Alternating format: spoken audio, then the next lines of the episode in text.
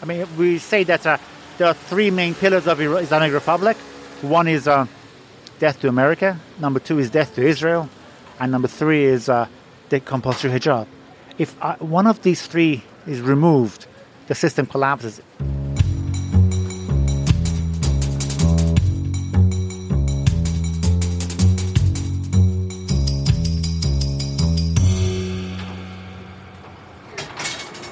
Welcome to Prison Conversations About Freedom, a podcast series made by The Balie. These conversations are recorded from the installation Silivri, Prison of Thought. This piece of art is standing at this moment at the Leidseplein in the heart of Amsterdam, and it's a replica of the cell in which the Turkish journalist Can Dündar was held prison. Because he dared to report critically on President Erdogan's involvement selling weapons for oil to ISIS. Surrounding our cell, people are able to listen.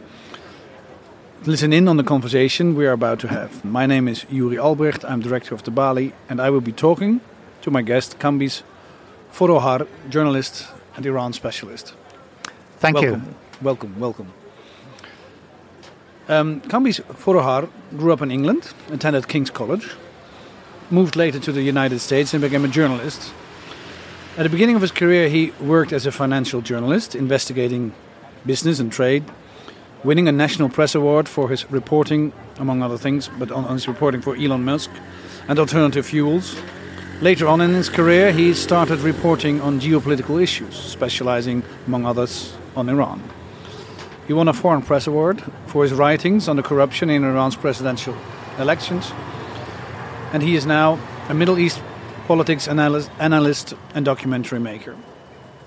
He has co authored the book The Wind in My Hair My Fight for Freedom in Modern Iran, together with journalist and human rights activist Masih Alinejad, with whom he has been married since 2014, if I'm not um, That's misinformed. correct. That's correct. Warm welcome to you. Very nice talking to you. Um, you've been working for Bloomberg, you've been working for a lot of um, famous Western press outlets. How would you say that um, the information about Iran is uh, is going in the Western world? How are we informed on, on Iran? Is that sort of on a broad level? Do we know anything about it, or is that hard to say? Firstly, thank you so much for inviting me to this uh, unusual podcast. Being, it's having a conversation about free thinking inside a a replica of a prison cell That's right. in the middle of Amsterdam is quite challenging and thought provoking it's in itself. And then talk about uh, Iran, which has a terrible record on freedom of the press, on freedom of thinking. So it's sort of a it's a challenge, and it's sort of a refreshing to the mind. Uh, covering Iran is particularly challenging for journalists because, for starters, to become a journalist, you need to be given a permit from a government. So, if you have that permit, you can work as a journalist. You cannot just say, I'm a journalist myself and I'm going to write columns for, say, the Telegraph. No, you have to get a permit, and that permit can be withdrawn. Secondly, journalism is sometimes seen as a way of spying. So, if you write articles which are critical of the government, you're accused of being a foreign spy. Now, we in the West get our uh, information from our Western correspondents, and they fall into two categories those who are staying in Iran and those who work for the Middle East desk inside Amsterdam or Washington or New York or London. Local correspondents in Iran, whether you work for Washington Post or uh, Le Monde or uh, the London Times, again, you need permission from the government. You need visas and a permission, two separate items of uh, official documents. And you're limited to living in a bubble of northern Tehran where, you know, it, luxury houses and you live with uh, middle class to upper classes. And if you want to travel outside of Iran, say do you want to go to Esfahan or Shiraz or to Khuzestan in the south, you need a permit. So if you hear there's some disturbances going on in the city of Esfahan, there's some protests, and you want to go and cover it, the government says no, you cannot leave Tehran. So you have you're you're stuck in Tehran. and you can only rely on Iranian newspapers and official media. So your outlets are official news sources only. Oftentimes, the foreign correspondents don't speak Persian, so they have to rely on translators. All of them work for the government, or rely on English speaking Iranians, which are very few. So you have a very skewed image of what's happening inside Iran. When there were big protests uh, two years ago in which 1,500 people were killed because of the government crackdown, the foreign press were quiet. They, didn't know what was going on. They were not allowed to leave their, in the neighborhoods in Tehran. And all they could write about was what they had heard, what they could hear from social media. So it's social media at times has a better information than the local press. So mm-hmm. it's very challenging for a Western audience trying to get a sense of what's happening. Recently, about uh, two weeks ago, I was speaking in uh, October, so it was mid, early October. Early October 2021. Exactly, yeah. thank you. Early October 2021. An Iranian activist inside Iran wrote an opinion article for the Wall Street Journal and said, What you in the West know about Iran is not real. What you in the West know is a fake version of Iran, mm-hmm. where you think elections are people participate in elections, you think where there's a free press, where you think there's a free journalism. It's not you know, we live in a very repressive system where everything is controlled, and there are some Western media who, in order for them to have their visas and their jobs into in Iran, they report articles that are mostly benign to the regime. So the truth is further away from what you hear and see. Mm-hmm. That's very interesting what you're saying because um, uh, um, a lot of the actions of our governments, of course, are based on the information which gets out of Iran and, and reporting on Iran. Um, maybe a little bit on secret services as well, but probably also a large part is, is, is, is dictated by what the press is actually saying about Iran. Are you are you saying we're here in the middle of the Leidseplein, at the middle of Amsterdam, uh, in a, uh, um, a, replica of a cell? Um, if I listen into you, what you're saying, you're describing a situation in which we have a totalitarian country, which almost acts like a big prison. Is that a fair thing to say? You're absolutely correct. And right now, Iran is trying to emulate China and create an intranet to control the internet completely. They're, they're trying to build a, a national internet service which will block Iran from the rest of the world, mm-hmm. and everything will be filtered. Now, look, in Iran, Twitter is filtered, Facebook is filtered, most social media sites are filtered. By that I mean you cannot access them through normal channels. You have to buy VPN services, you know, virtual private networks, to get to get around the censorship. And every, you know, every month or so, the government finds a way to crack down on more of these services. So you have to go and buy different brands. VPNs are sort of plugs to, to help you circumvent the the, the, the filters. Exactly. Yeah, the and there's yeah. a cat and mouse game going on. Mm-hmm. Now, no newspaper which is critical of the supreme leader can survive. They will be shut down immediately. If you criticize the government, you will be shut down immediately. So, all the articles are, you know, favorable to Iran's actions in Syria, Iran's actions on nuclear talks, Iran's treatment of its own minorities. You know, you will not see an article or view which contradicts the official line. And the official line hasn't changed for 42 years on, on most issues. Now, Western governments say, well, Iran has elections. True. They do have elections. But mm-hmm. so does Russia under Putin. But no one mistakes Putin's Russia with a democracy. No one mistakes Xi's China with a democracy. So why do we make that mistake with Iran? Mm-hmm. Why do we think that Iran has a democracy? Why? It's a, that, it's a, a great question, question right? Yeah. Yeah. so what Iranians have done, they have portrayed themselves as being anti-war and on the side of the Palestinians. And these are two issues which attracts the left or the liberal uh, wing of the political parties. And those two groups say, well, I'm anti-imperialist and Iran is anti-imperialist. So therefore, if I want to be against imperialism of America, the global capitalism, then Iran is at the forefront, so I have to support them. Mm-hmm. And that sort of uh, skews their thinking. And they say, well, human rights is an important issue, but in a fight between America and Iran, I want to choose the side of Iran because it's the underdog, because they're anti-imperialist, and that creates a difficulty in thinking ahead. And that's what we're thinking is hard. You have to think and say, well, yes, imperialism is bad, but so is religious dictatorship. And so, because of that, we can be, you know, enemy of my enemy is not necessarily my friend. No. no. And that's a big challenge for people to think. We ought to know that already for a long time, but sometimes it doesn't really look like like that. Um, there was an interesting. Um, there was a opinion poll center, market research firm out of University of Maryland, in America, yeah. in America, mm-hmm. and they recently they had this report out that. Uh, 75% of Iranians support the current regime, 75%, which is like out, unbelievable high number.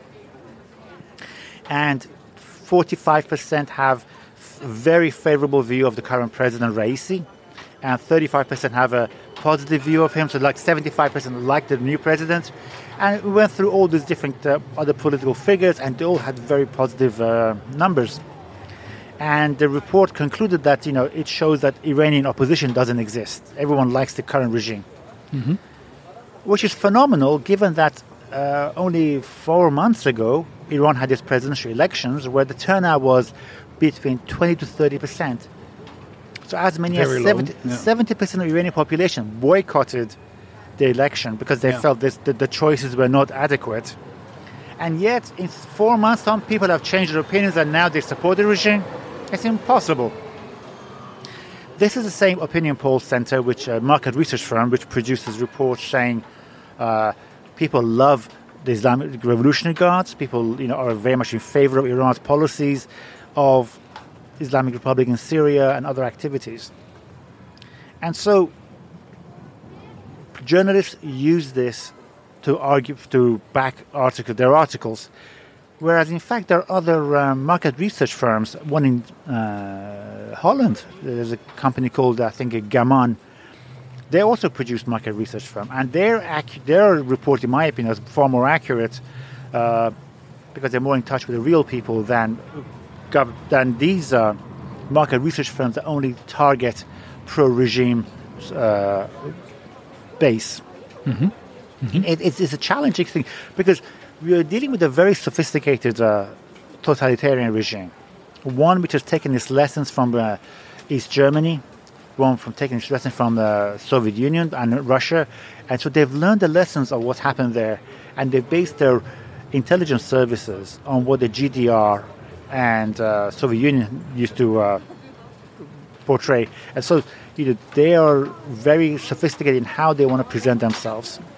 And how the and how the surveillance of the population works, of course. Because um, I'm always wondering if I look, Iran is a big country. It's a long history, um, very diverse country in many ways as well, with minorities, with um, uh, um, uh, big class differences. With um, so I'm wondering if I look at that huge country, how um, this this type of very radical Shiism is able to control the whole population. I mean, which group of people in Iran is this?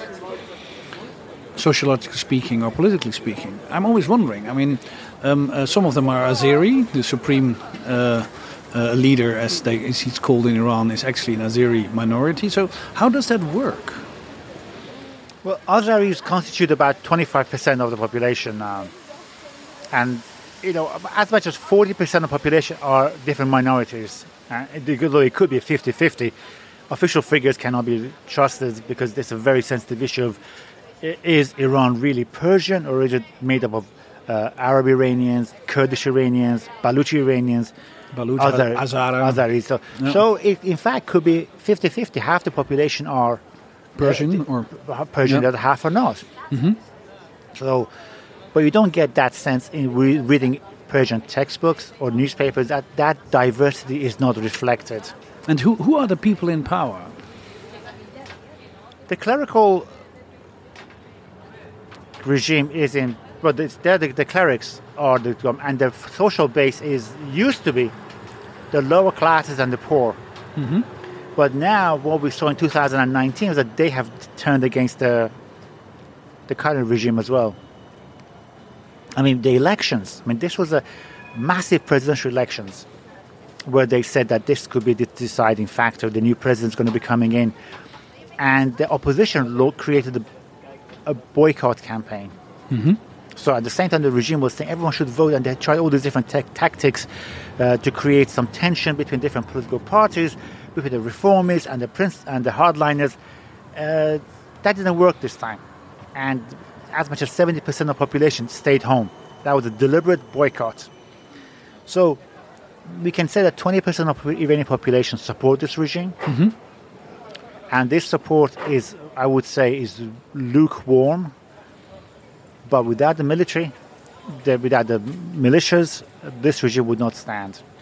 And we can see that they, they, they don't have fair elections. There are two different things, the militias and the military. And that's hard to understand from, from outside. Right. The military of Iran, the army, is uh, given the task of defending Iranian border. The militia and the revolution guards are given the task of uh, keeping domestic peace. All right. So they are, whenever there's disturbances, they bring out the militia to crack, you know, people's heads and like shoot at them. Revolution guards have their own role, but their job, the revolution guards have a special job. Their job is to defend the revolution. Mm-hmm. They are not supposed to defend Iranian territory or defend anything nationalistic. Defend the revolution, so that's inside exactly. Iran. They're supposed yeah. to defend the revolution from internal or dom- uh, external forces, but usually it's against internal domestic opposition that they used. Mm-hmm. Um, I think it's a very sophisticated element of how. Uh, even I mean, we should not ignore the fact that uh, Iranian intelligence is very sophisticated, and they know how to play the, the domestic politics of Netherlands, USA, uh, even Germany and uh, England. They know which, how to appeal to different uh, classes of voters mm-hmm. and try to sway that opinion. And um, so you're saying this about 20% of the population who is lukewarm about the regime, um, and then you have two powerful institutions, which are the army and the internal militias of the country. So in, in fact, it's repression it's plain outright repression. I mean, by what we would regard as democratic system, Iran is not a democracy. There's no free press. There's no right to the minorities. Mm-hmm. Ethnic minorities are repressed. Even a minority opinion is not allowed, even within the regime. Uh, there's no judicial separation of judiciary from the legislative body. Uh, it, by all accounts, this is an authoritarian regime, mm-hmm. which enforces its uh, edicts by by force. And if you, um, I mean, nobody can foresee the future, of course, uh, but uh, one of your specialisms is is Iran. So, um, if, if, I don't ask you, you know, whom should I turn to? Um, how long can they possibly stay in power? Everybody was surprised, of course, in 1989 that the Iron Curtain came down and the Soviet Union, uh, you know, uh, ended um, uh, shortly afterward. After that, but still. you know, we could see um, the Soviet Union was uh, over 80 years uh, of communist rule. It fell apart uh, thanks to a combination of internal mismanagement, corruption, out external pressures, uh, and of course the, the failure of the Afghan war, which uh, drained uh, the, the, the, ideological basis that people felt that this, they had failed to deliver at home or abroad. I think the same phenomenon is happening inside Iran that people are becoming disillusioned with Islam. People are becoming disillusioned inside Iran. People are becoming disillusioned with this government, this regime. And uh, I think it's this erosion of public support will lead to the collapse of the system. Uh, Iranians are becoming, it's very ironic that uh, we have an Islamic Republic which has to enforce Islamic laws by force, as opposed to countries in which religion is not forced upon people, but people choose it. In Iran, it's the enforcement of Islam, mm-hmm. which is turning people against the against religion. I think that what we'll see is uh, something like Soviet Union, like a gradual erosion uh, of support, and that will lead to its collapse. Mm-hmm. I'm very hopeful that this is going to happen uh, within my lifetime. um,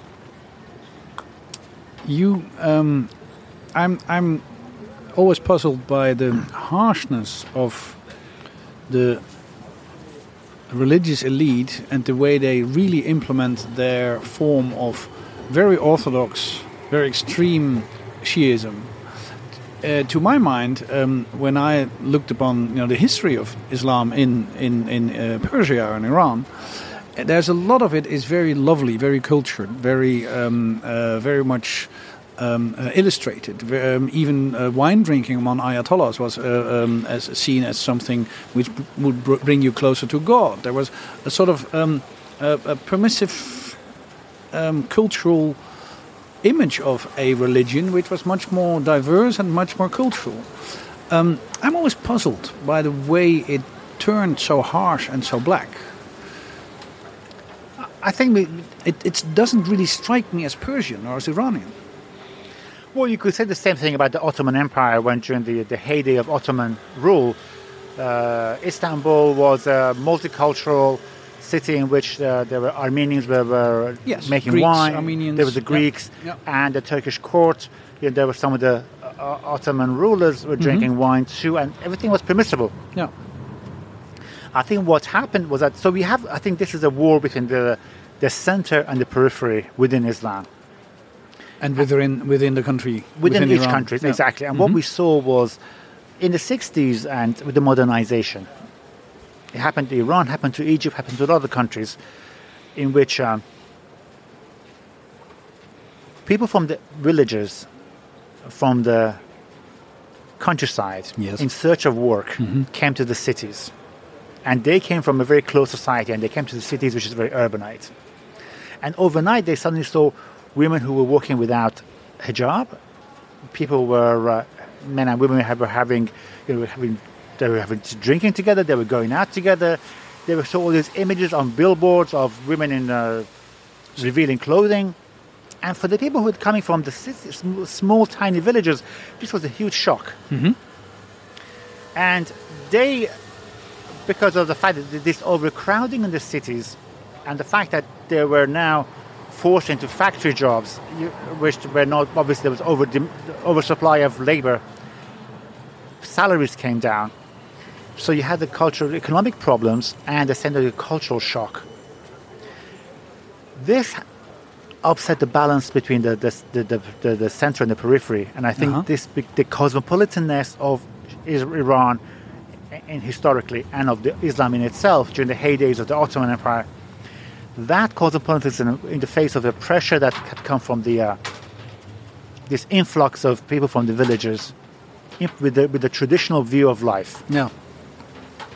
and with the traditional interpretation of Islam as opposed to the modern interpretation this, this I would say what, what the modern more flexible version, interpretation of Islam was a contradiction and, and over time the harshness the Al Qaeda's view, let's say, which just happened the Sunni thing. If you look at the Sunni, there was a similar uh, rethinking about how to approach Islam happened in the, in the Sunni world as well. In the Sunni world, it was a case of, well, why are we losing to Israel? Why are we losing battles to them? Why are we falling behind? When Shiism, it was a case of, well, uh, why are the Americans in Iran? You know, why, are, why, are we, do, why do we have to become westernized?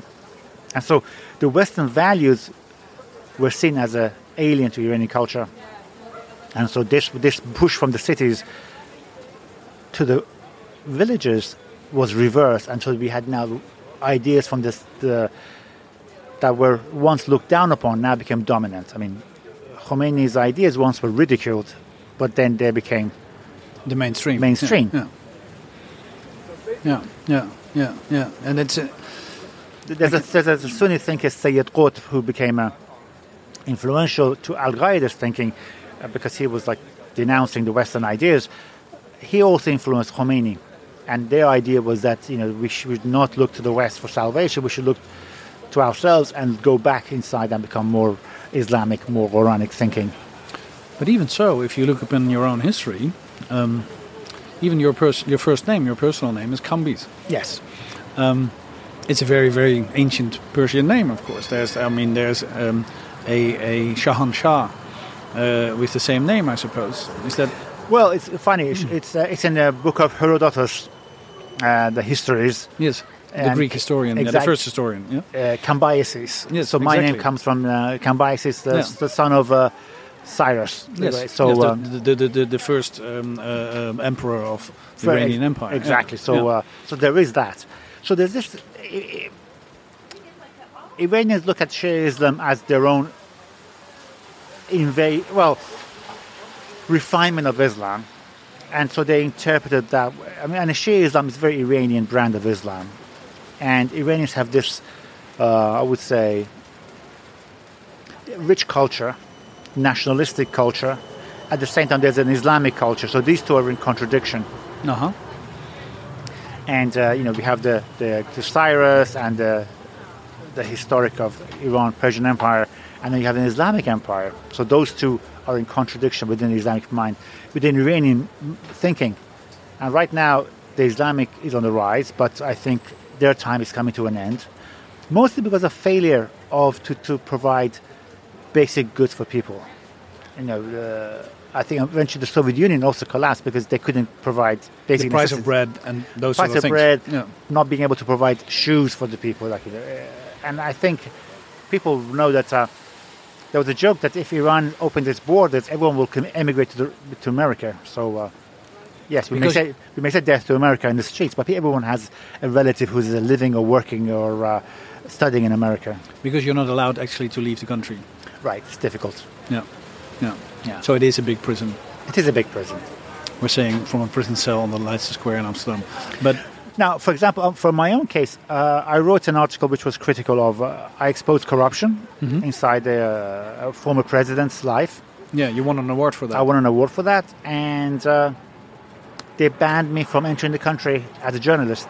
And I've had regular conversations with them, and they said, you know, you should not have done that. And I said, well, all I did fa- was factually was correct, and in fact, my work was later on.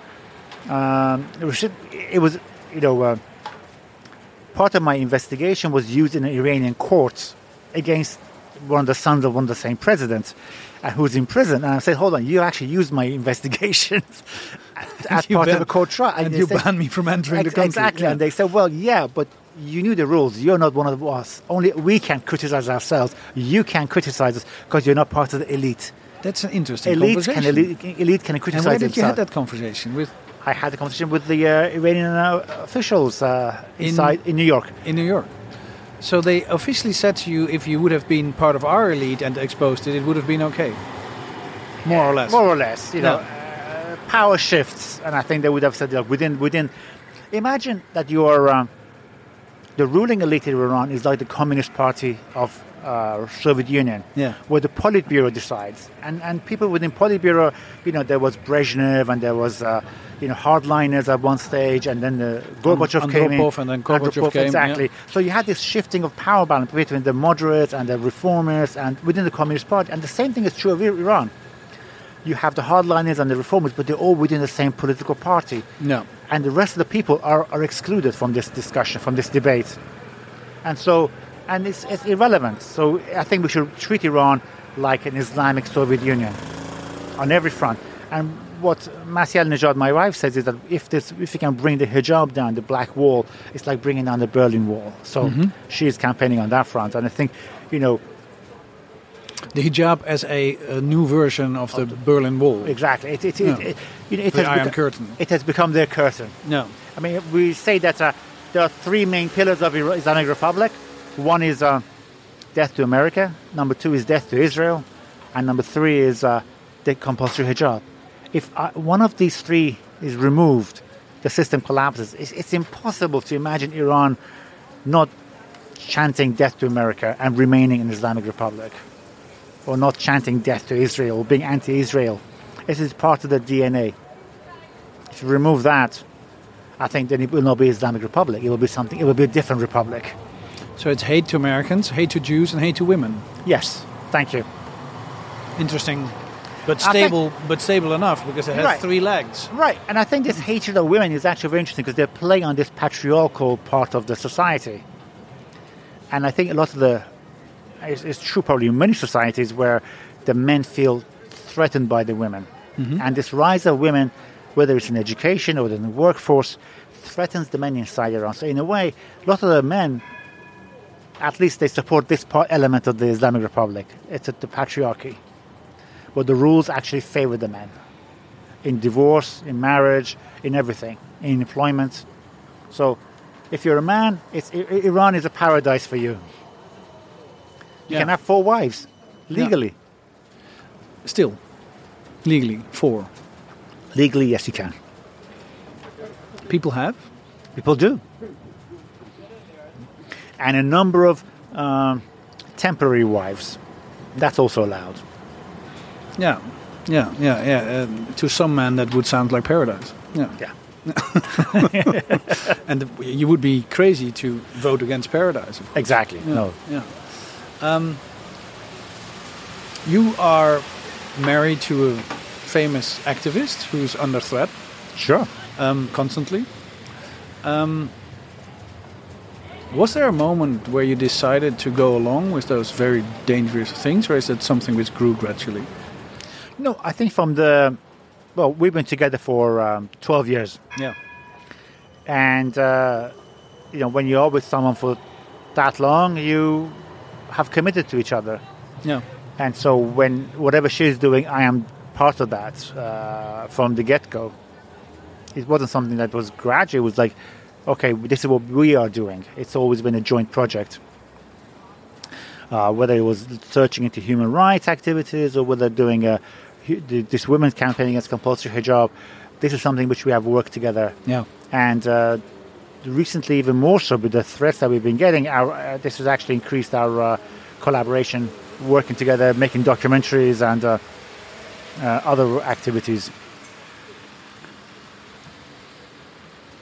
You decided, both of you, to come to Amsterdam, to come to the Balie and accept the invitation we um, handed to you. We're very glad that you did. Mm, thank you very much Um, and um, even against the well-minded advice of the FBI, who said probably not too safe for you, the both of you, to travel to Amsterdam and Holland. Why did you do that? I mean, why increase the risk? you know the um, so the first there was a plot to, kid, the kidnap plot to kidnap Masih, my wife, uh, to uh, Venezuela and from there take her to uh, Iran. And that was revealed by the FBI. They issued indictment against a number of people. Um, Earlier this year, yeah. earlier this this year. year. This Yeah. was like uh, three months ago in July of 2021. And they made arrests. They uh, issued sanctions against the individuals inside Iran for taking this action. This became very big news. And uh, we had a briefing with the FBI, and they said, "Look, we think that the Iranians have learned a big lesson here that they cannot mess with us, and um, things should go easy. Should, I would say, look, you know, you shouldn't be so worried anymore." And we said, "Great, we try to go back to our normal lives, as if we could." A month after that, in uh, August, late August, beginning of September, uh, the FBI came around and said, "You need to go into hiding right away." Because we've received a notice of imminent threat against you, and we don't know what that means. That can only mean two things: your home or your work. And so we're going to take you off circulation. So for a month, again, we were in a Hiding. safe house, Safe house, yeah. and uh, you know there were certain routines that we had to follow. We had bodyguards around the clock around with us, and uh, and they said, okay, we've now figured out what was going on, and you can go back. The, the the threat level has gone back to normal. Like you know, it's not red anymore; it's now orange. Um, but we said we can live with that. and during I'm that conversation. Yeah, during that Yeah, conversation, we said, "Oh, by the way, we've received this invitation to go to this conference about free thinkers in Balie uh, and in Amsterdam, and this is right up our alley. This is something which is really fits our uh, thinking, you know." And they said, uh, "We think not," and we said, "Actually, yes, we think yes." So there was a long discussions with the FBI, and they said, "Look, we we, we have we can protection in the US. We can we are very happy, but in Europe, we have to rely on our partners, and we have different relationships with different groups and different countries. Like we are great with the Germans, we are great with the the British, not so great with the Turkish or the Italians, and the Amsterdam. Well, the Dutch police are okay, but you know we don't have that kind of relationship. And people have been people have been getting killed on the streets of Amsterdam. They have. People of Iranian descent, uh, Iranian refugees and exiles, have been killed. Yeah, Yes. and they said even uh, Dutch politicians have been killed who've been critical of uh, Islamists, filmmakers, Filmmakers. and Theo they said they exactly, and they said, look, there's this history of this happening, and they may not take your protection seriously. But thankfully, the Dutch police have been phenomenal. Uh, the diplomatic police have been phenomenal in their protection, their services. But even if there had been no protection, we would have come anyway because we felt that we cannot be in hiding for the rest of our lives. If we are, then well, there's no point in being activists. So we are. If you're going to be an activist, then you have to be active in the public. The public realm is where we're going to be fighting. So we are very glad that uh, De Balie invited us. We're glad that we're in Amsterdam, and it's been a fantastic experience. Thank you very much. Thank you very much. It's a privilege talking to you, Kambiz Foroohar. Um, I um, hope we be in contact in the future doing things like this in the Balie in the next years. It's uh, wonderful hosting you. It's a privilege talking to you. And I um, recommend everybody to follow you too, Masih, Alina, and you um, uh, in your actions. Thank you so much. It's been a real privilege for me to be here uh, to, to get to know you and your team and your uh, the Balie conference. And it's amazing that in this day and age, to be free thinkers requires events like this because everyone should be thinking free. And uh, there's a pressure, both commercial and political, to, to be stay in our own boxes and not think outside the box. And it's very important for us to, to break these, bo- these boxes around us and try to reach out to other people and be to challenge common wisdom because the conventional wisdom some most often is wrong and it's those who break the, the, the, the box who come out to the conventional wisdom are the ones who make big changes. Thank you very much. Thank it's you amazing indeed. the pressure um, free thinking is under. You're absolutely right. Thank you very much again. Thank you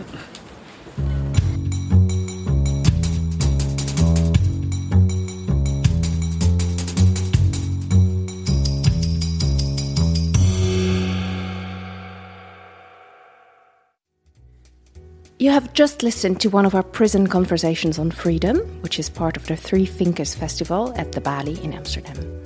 You can watch the rest of our programs with, for example, Can Dündar and Masih Alinejad on YouTube or on our website. Thank you for listening.